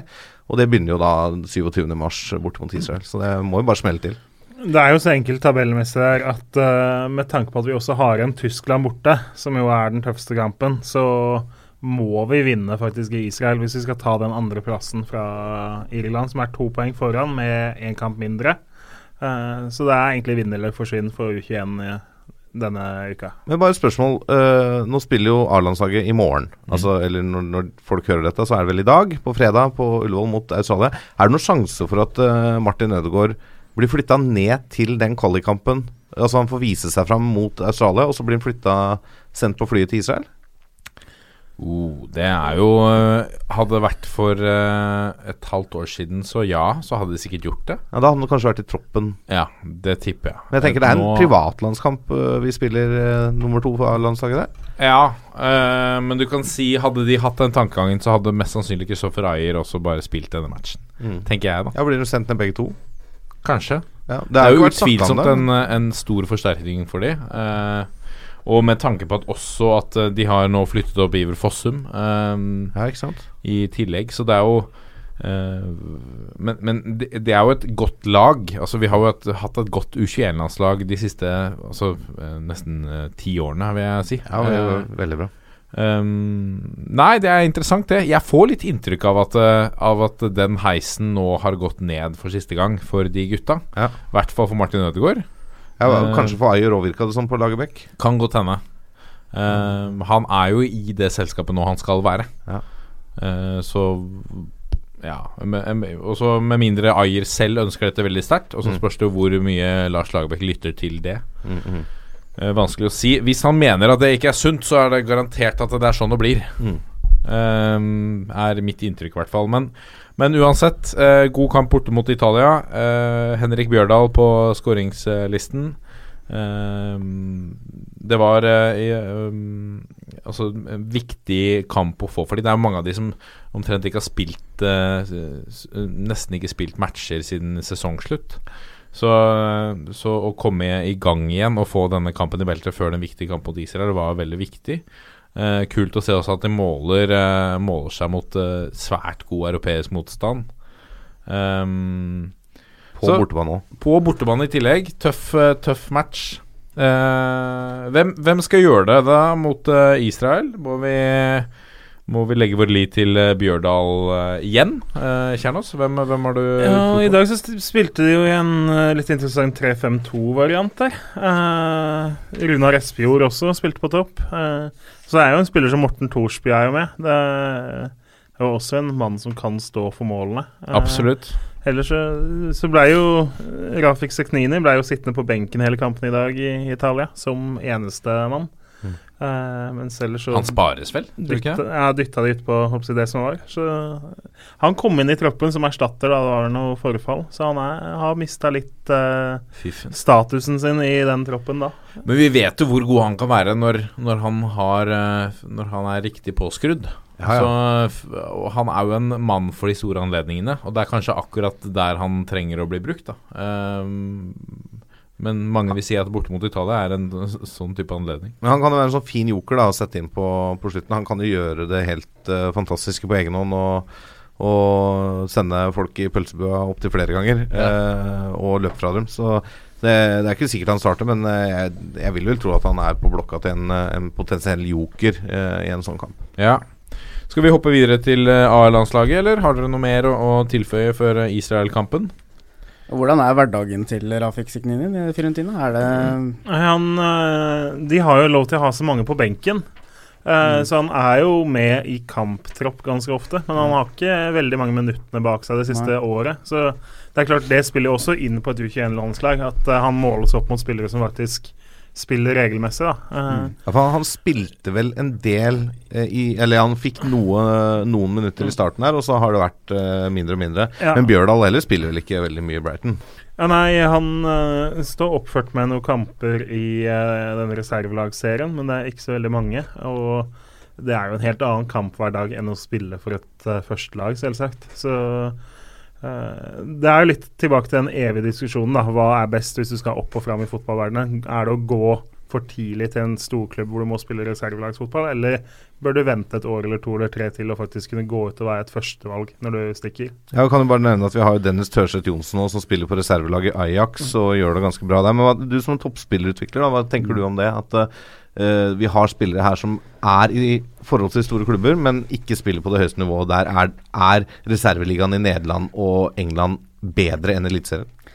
Jeg tenker jo at treningshverdagen er alfa og omega her. Eh, hva slags treningshverdag han har. Og det var jo også det som ble nevnt rundt Martin Ødegaard i Madrid. Hvis han får trene fast med de største stjerner i Real Madrid, så er jo det en bra hverdag. Eh, og så er det jo det å få matcha seg på høyeste nivå, da. Mm. Som de sannsynligvis da ikke får, men det i hvert fall jeg sier til mine unge spillere, er jo at du må hele tida søke den beste treningshverdagen, Mm. og ikke bli frista til å gå til de store klubbene for å bare bære den logoen på brystet. Så ja, jeg vil jo si at treningshverdagen er alfa og Ja. Men jeg tenker sånn i kampsituasjon, da. Altså, det, det er nok et annet Jeg tror det er et annet, må jo være et annet trøkk å spille for eh, altså, For å si Brann eller Start, da, uh, enn å spille for Brighton B eller Ajax B. da Mm. Uh, Altså Bare det inngang til kamp, ramme rundt, betydning av kampen. Altså Du spiller på toppnivå i et land, selv om det er Norge, kontra å spille på reservenivå i England eller Nederland. Men Ja. jeg skjønner poenget ditt med en treningshverdag. Altså virkelig. Hvordan er deres treningshverdag, mine herrer? Er det bra?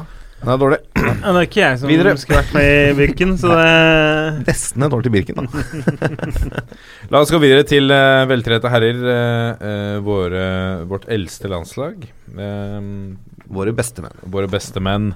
Vi har fått forfall fra, fra um, Alexander Sørloth og Joshua Christian Kujo King. Kujo King. Og Haitam Alesami. Og Haitam Al-Sami. Um, jeg så det ble skrevet Eller var Brede Hangeland som sa at det er eh, Det var ikke rent sjelden at man opplevde et eh, ganske sterkt press fra klubb i Premier League på disse treningskampene. Eh, og at eh, midt i sesong så så eh, ble de ikke veldig happy. De er ikke veldig happy over disse treningskampene. men nå har vel Sørloth har jo hatt en lang eh, sesong. Nå han var jo ute siste match òg med noe skadetrøbbel, da. Eh, og de kjemper jo for livet om å beholde plassen. Ja. Så man skjønner jo at Crystal Palace ikke har lyst til å sende en 80% klar Sørloth på noe landslagssamling nå. Ja. Uh, og så er jo altså Ola Kamara og Fredrik Gulbrandsen har jo gjort det ganske bra siste Mm. halvåret. Så at de får sjansen det, det er jo en svekkelse i forhold til to Premier League-spisser, men likevel to eh, spisser som Ja. også fortjener en sjanse. da. Altså Vi mister vel egentlig det spissparet vi kanskje nå ser for oss at Norge skal ha, i Sørloth og King. Eh, men da er det noen andre som får sjansen til å vise seg fram. Men vi nevnte jo det i en tidligere episode, at eh, jeg sa vel at eh, nå håper jeg ikke det blir så mye forfall til disse privatkampene. For det vi ofte ser, er, ser er jo det at de spiller siste ligakamp før samlinga, melder forfall timen etter den kampen er ferdig, Mm. og spiller neste runde igjen ti dager seinere. Eh, og da er det jo Da er det åpenbart ikke nødvendigvis bare skader. Da er det at de skal hviles, eller at klubbene har lagt noe press der. Og jeg har forståelse for det, altså. Det er, det er, det er de som betaler lønninga dem, som har betalt dyre dommer for dem. Men det er litt synd nå som på en måte Lagerbäck har disse få sjansene til å eh, forme laget sitt inn mot eh, Nations League. Ja. Eh, når Nations League eh, sparkes i gang, så blir det vel vanskeligere å holde tilbake spillerne fra disse kampene. Da kan du ikke nekte dem å dra. Nei, det kan sant. du gjøre til en uh, privatlandskamp, men Ja. når det er offisielle kamper, så kan du ikke nekte dem. Nei. Uh. Men, men jeg syns jo det er Altså, med Joshua King uh, er, han, Altså, han skal med en tropp hos uh, Lagerbäck, det vet vi. Og så handler det om hvor godt han klarer å tilpasse seg til Lagerbäcks eh, spillemåte. Og så handler det om at han eh, selv må finne igjen målformen, for den eh, har vært litt skrantende i år, må vi vel kunne si. Um, med tanke på Alexander Sørlath også, vi vet hva han står for. Uh, så det er jo en gyllen anledning for Lagerbäck altså til å se andre spillere i, uh, som, som kan melde seg på. Ola Kamara uh, var, eh, var tiltenkt en rolle i neste landslagstropp. Eh, ikke nå. Nå får han en ekstra sjanse til å, til å overbevise. Så har han Eh, sannsynligvis, i hvert fall om eh, Jeg vet ikke om det er bekrefta fra klubbhold ennå, men han har sannsynligvis fått ny lagkamerat i dag òg. I Zlatan Ibrahimovic. Ibrahimovic. Det er ikke noe dum uh, mann, det. Å lene seg litt på der borte Nei, abs- absolutt ikke. Los Angeles. Men nei, men altså, jeg syns jo um, Altså, King, du sier han er litt skrantende form. Han er vel egentlig litt på det skåringssnittet han har vært i hele karrieren, bortsett fra i fjor. Ja. For det var jo en, nesten i Kings tilfelle en sånn unntakssesong i hva gjelder antall uh, skåringer Ja. uh, på en sesong. Så han er jo liksom litt tilbake, men han er jo en spillertype som jeg Når han er påskrudd Altså Det var Karev som sa en gang da, på en av de første kampene til King at uh, når han hadde drevet herja med et lag, så satte han på King og sa nå kommer lillebroren min, han er enda, enda mer gæren enn meg. Da var det noen midtstoppere der som ikke var helt happy.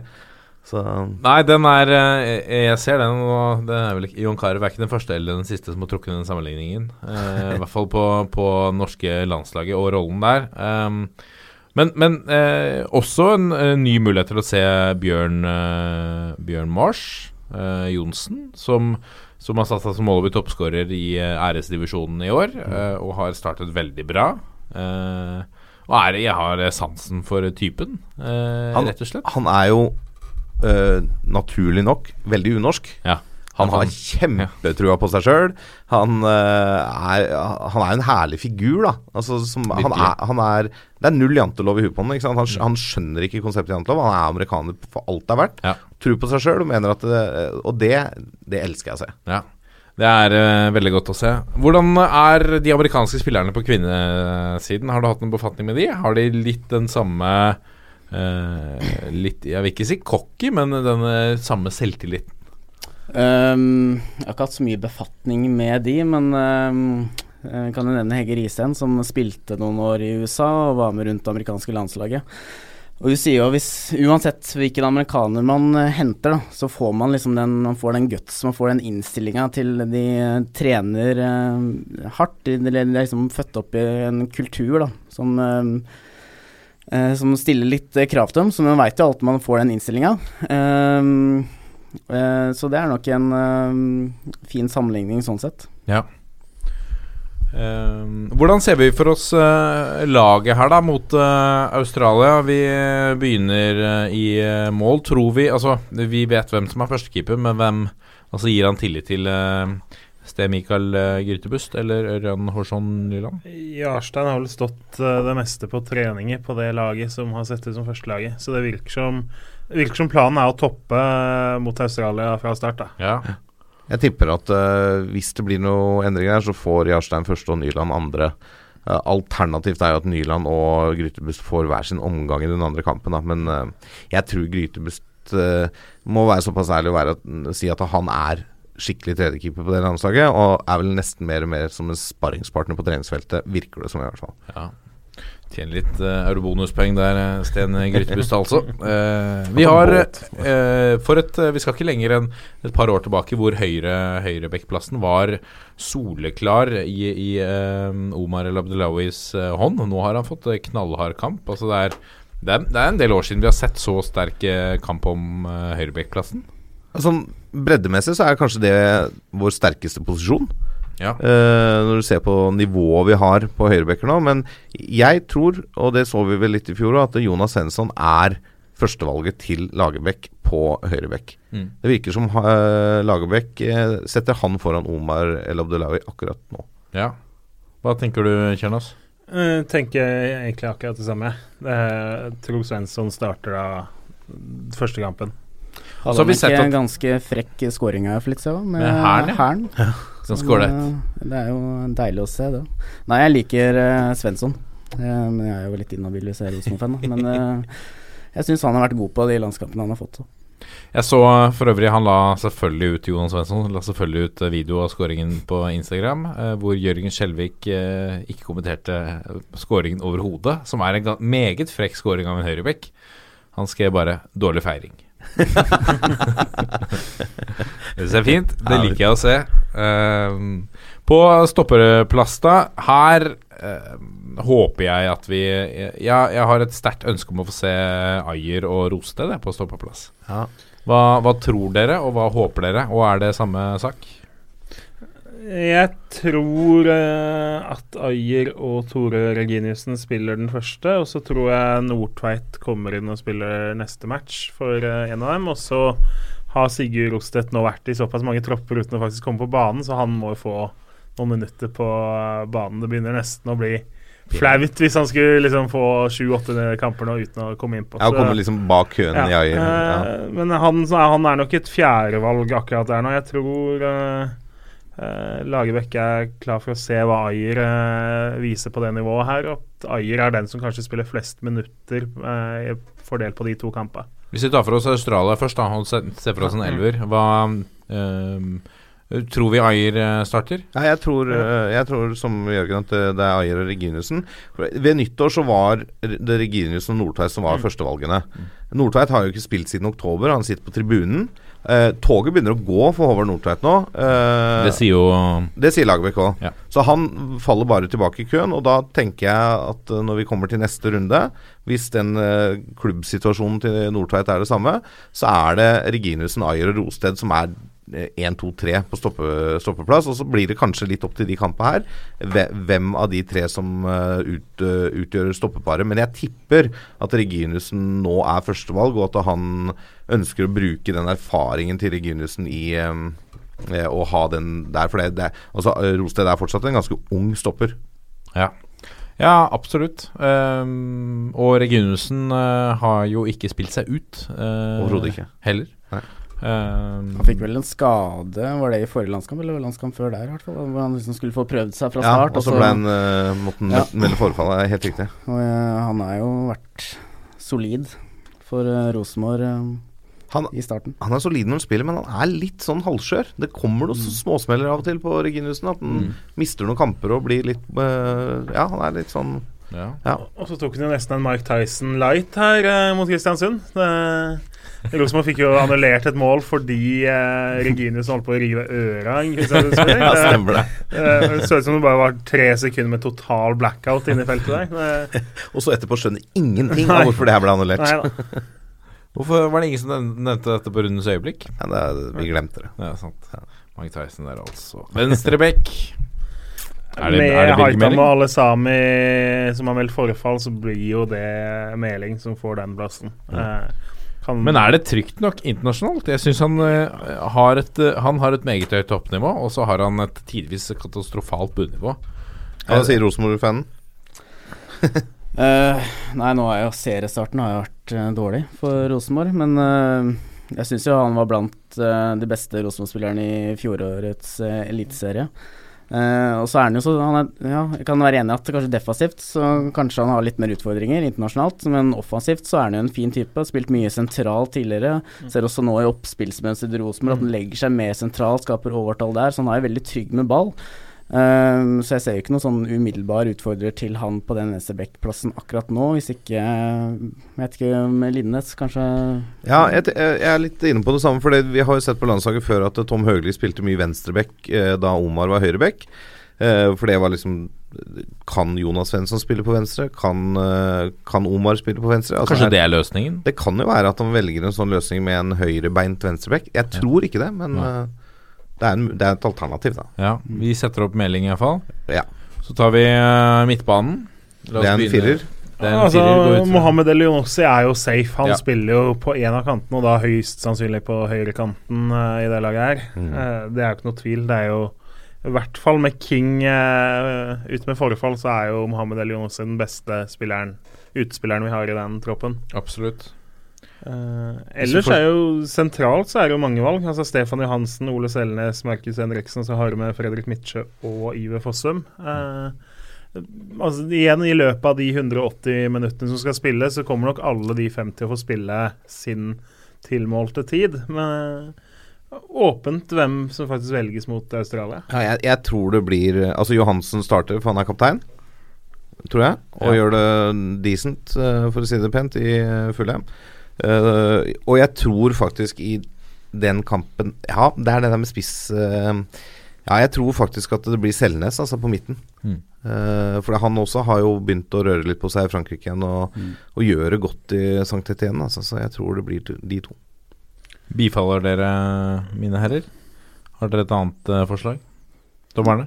Nei, jeg tror det stemmer det der. Hvis Selnes har vel fått spilt litt, som sagt, i det siste, og vi trenger jo en midtbanespiller med en liten uh, god fot, da, Ja. for å kunne spille de andre bedre, og der er jo Selnes vist seg eh, meget bra uh, internasjonalt òg. Men jeg skulle gjerne sett Fredrik på- På treningsfeltet så har, så har de kjørt en variant hvor Stefan Johansen har spilt ute Fått en sånn uh, Per Siljan-variant. Hvor eh, sentrale midtbanespilleren som er kaptein, er dytta ut på kant. Og så har faktisk Fredrik Midtsjø og Iver Fossum spilt uh, en del sammen sentralt. Okay, ja. uh, Jeg- jeg- jeg- så det, det er jo ikke alltid at det nødvendigvis er fasit, da. Men eh, ut fra trening onsdag Mm. og torsdag så har det nok sett sånn ut at det er det mest trolige. Men det eh, ja, Interessant variant, kan vi vel si da. Litt overraskende da. Det naturlige toppa ville jo vært Selnes og Henriksen i mine øyne, Mm. eh, sentralt. Og så er det litt verre å finne ut hvem som skulle hatt venstrekanten. Mm. Jeg, jeg, er, jeg er egentlig litt enig, men nå, nå i eh, King og Sørloths øh, forfall, så tror jeg fort at Markus Henriksen kan bli dytta opp i en sånn uh, spissrolle igjen, da. Å, jeg tror du det? Ja, jeg tror det gikk jo så bra sist. Nei, men altså, da var han vel alene. Nå er det jo med en makker. Ja. Eh, det, det kan, jeg sier ikke at det skjer, men det, det er bare sånn jeg det spekulerer i. Men jeg, jeg skulle gjerne sett Midtsjø. Da, på, jeg håper han får spilletid. For Det ligger vel litt i kortene her. ja, det gjør jo det, og han har gjort det bra i Nederland. Altså, han er, eh, og jeg tror også han er en type spiller etter Lagerbäcks hjerte. Ja. Eh, men jeg er ikke noe fan av den der han sentrale midtbanespilleren som er kaptein ut på kant, altså. Nei, Jeg trodde, litt jeg trodde eh, hadde slutta med det. Jeg ja, det var vedtatt. Det er jo uh, type spor som kanskje ikke Lasse Lagerbäck trenger å gå i. Nei, jeg synes ikke det. Nei. Det Og byttes ut etter Begynner med det, og så kjører han videre med yoga og diverse andre ting de har begynt med i Fredrikstad for tiden. Uh, vi går videre vi til venstre Mindfulness. Ja, riktig. Ikke et vondt ord om det, men det er Nei, ikke nei. sånn du rykker opp, kanskje. Men uh, venstre kant. Ja, vi skulle sette opp laget Vi håper, ikke sant. Ja. Ja. Og du, så jeg satte opp Stefan og Selnes jeg, i midten. Og, øh, jeg overkjørte Ja, deg. ja da, det Ja. Det er greit for deg. Venstre kant, da? Ikke en, øh, ikke en sentral midtbanespiller på kant, takk. Nei, Ja, da, ja. Nå har vi jo Eller jeg har jo vært så tverr at jeg har satt opp folk som ikke er i troppen før, så hadde vi hatt lov til det, så hadde jo vi dytta Saeed inn og latt han spille der. Men eh, skal vi ta ut fra de som er i tropp Du må nesten gjøre det, altså. Det er jo få Altså det er jo Mats Møller Dæhlie som, er den- som er naturlig der, da, men altså Ødegaard, det. eh, Kan vi ikke kjøre en variant med Elionossi på venstre og Ødegaard på høyre? Hvis det er, skal velge det vi vil ha. Ødegaard spiller vel i tillegg, og det har vel Ja. ikke Mats Møller Dæhlie gjort Mm. på en stund. Eh, Bangstein, Han, eh, du du setter jo opp Gya Saeed, du òg. ja, ja, for så vidt. Men eh, det, det kan jo fort hende at han vurderer en annen Elionussi på en kant òg. Oh, ja. Ja. Den litt eldre. ja. Han er veldig glad i Tariq også. Ja, så det skal uteluk Han har jo spilt litt kant før, Ja. eh, så det utelukker ikke det. Eh, Men eh, jeg er jo også litt der at jeg skulle helst sett Mats Møller Dæhlie i kampform der ute. Ja. Eh, Men eh, hvis vi skal tenke sånn, så vil jeg nok ha at Martin Ødegaard får prøve seg Ja. eh, i en kantrolle. Um, var vi enige om det? Jeg også stemmer for Martin Ødegaard. Bifaller. Uh, du vil ha Gya Saeed, Kjernos, så du er er sant. Da er dessverre uh, Er det noen fra Årvoll? Hvem, er, hvem på Årvoll er nærmest landslaget for tiden? Nei Hvis det, ja, nei, det er veldig tøft å velge mellom. Men det er klart Simen Stamse Møller har jo vært oppe og Hadde han ikke satt seg på å prate om ball, så kunne han jo fortsatt spilt eh, ball på et eh, anstendig nivå. Ikke sant? Eh, og når spissene driver med melder forfall i ny og ne, så er han jo i hvert fall inne opp kanskje på en topp eh, 200-liste i øyeblikket, kanskje. Ja, det er ikke så gærent. Ja, det er greit. På uh, spissplass, da? Eh, Ola Kamara, eller? Han ene? Vår, uh, Ja. vår gamle venn? Det hadde jo vært veldig typisk eh, norske landslaget da, å sette inn en som kommer inn som erstatter eh, fra start. Ja, ja.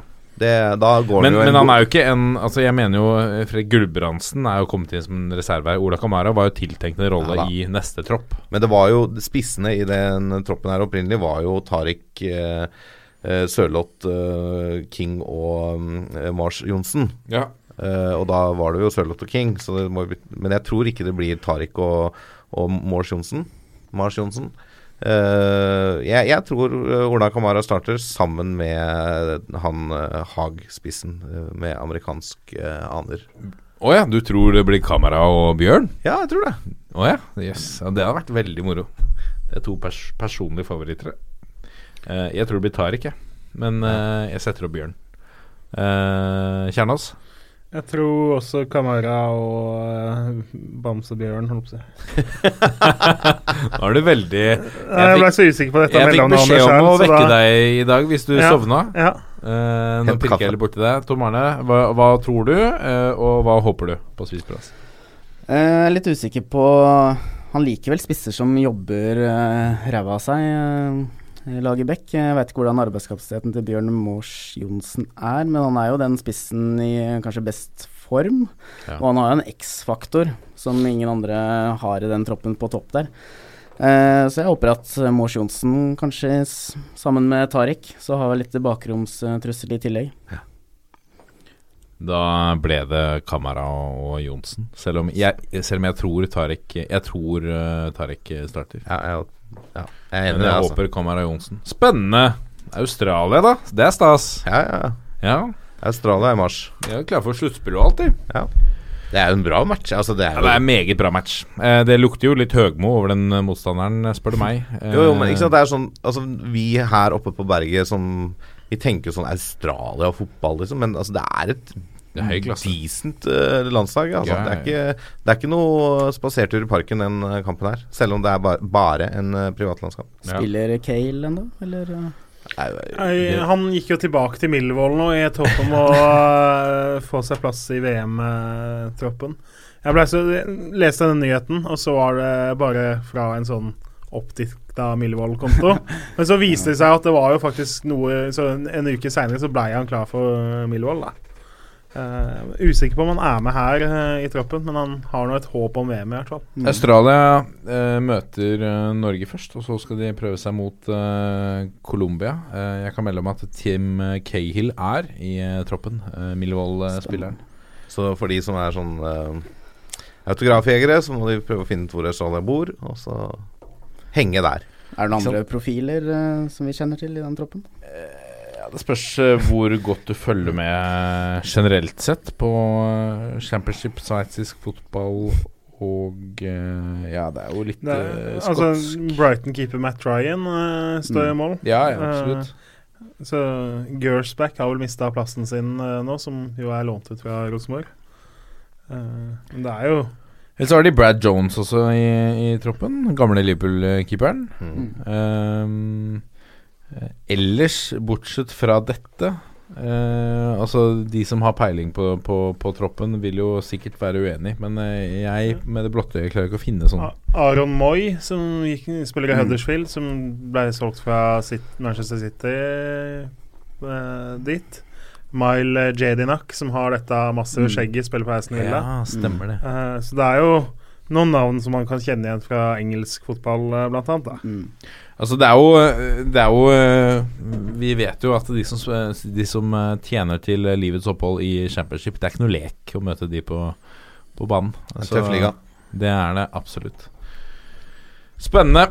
Vi går videre til eh, norsk eliteserie eh, og eh, FK Haugesund, som har snappet en spiller nesten foran nesa på Rosenborg. Dvs. Si at de var ute etter ham først. Benjamin Karamoko var på det nærmeste klar for Haugesund før de ble uenige om lønn.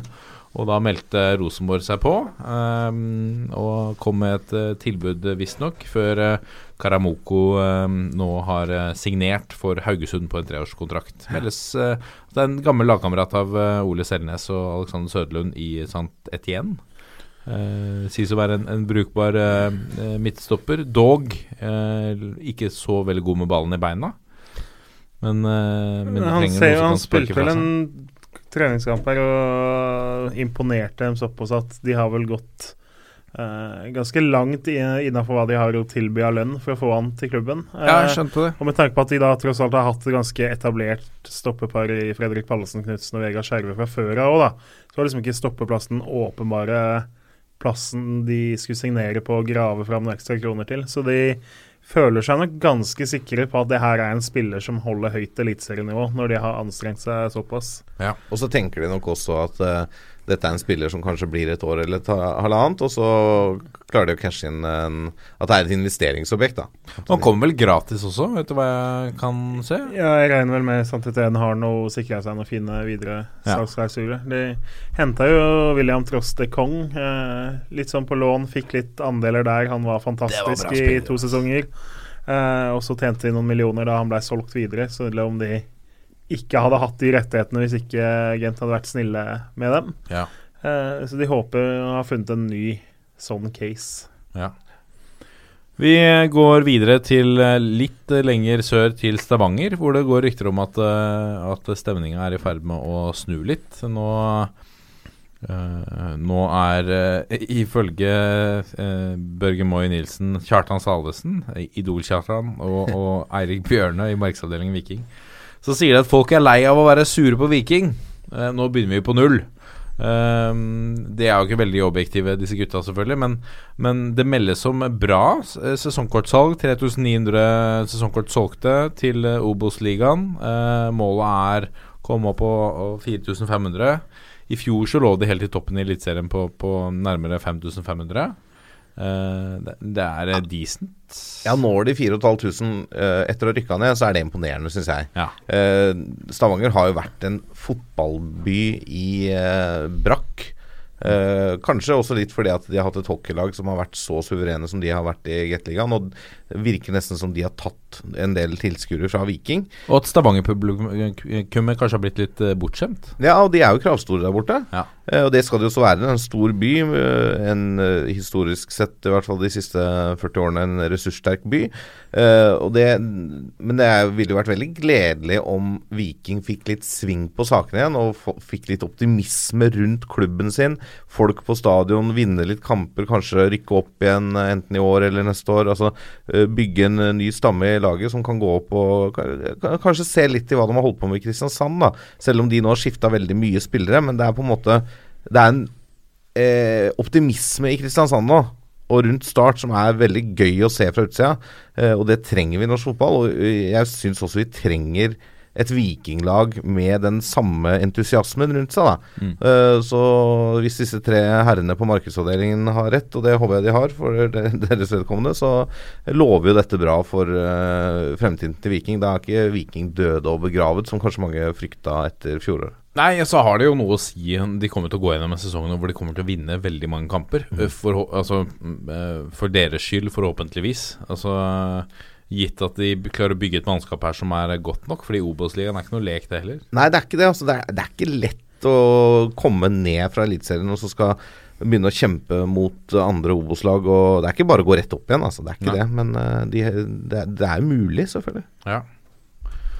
Spennende å se. Eh, fortsatt rart eh, å se den gamle storheten Viking i, eh, i Obos-ligaen. Eh, om de klarer å, å gjenskape gamle store prestasjoner og gå opp eh, til gjeve-selskapet igjen. Men det var jo rart å se da Fredrikstad rykka ned òg. Men eh, de, Ja. de blir jo på en måte litt glemt da når de ikke klarer å komme seg opp igjen kjapt nok. Ja, absolutt. Uh, så selvfølgelig, altså skulle gjerne sett Fredrikstad og den entusiasmen som kan skapes i den byen òg, jeg er i Eliteserien, men akkurat nå så er det et andredivisjonslag, og da, da må de stikke fingeren i jorda og se at det, det er sånn det er. Men nå jobbes det med mindfulness og yoga, så nå er det det er oppe på et blunk. rett opp igjen, jeg, vet du. Ja.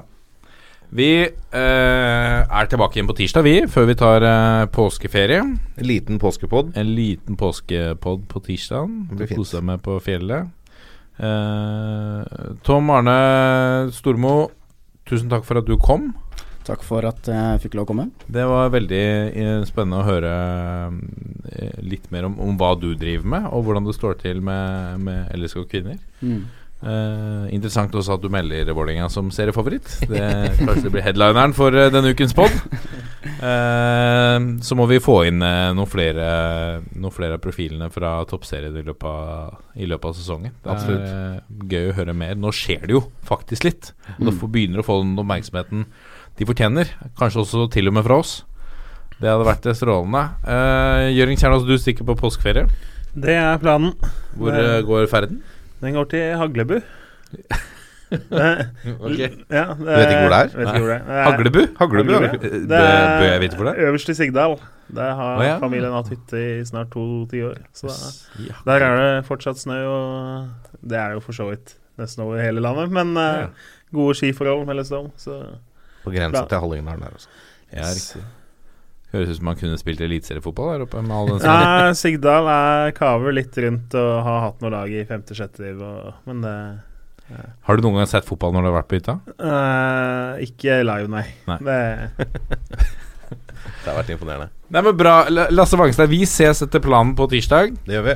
Uh, og så får vi uh, si at det er greit. Ønske våre beste menn og våre nest beste eh, lykke til eh, i, landskapet. i landskampene. Og ønske alle lagene i toppserien lykke til med seriestart.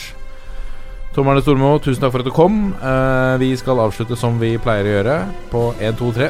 Vi er i gjeng. Ha det! Hørte han tok den? Han Ja, var han med. tok med en gang. Fantastisk. Ja, bra.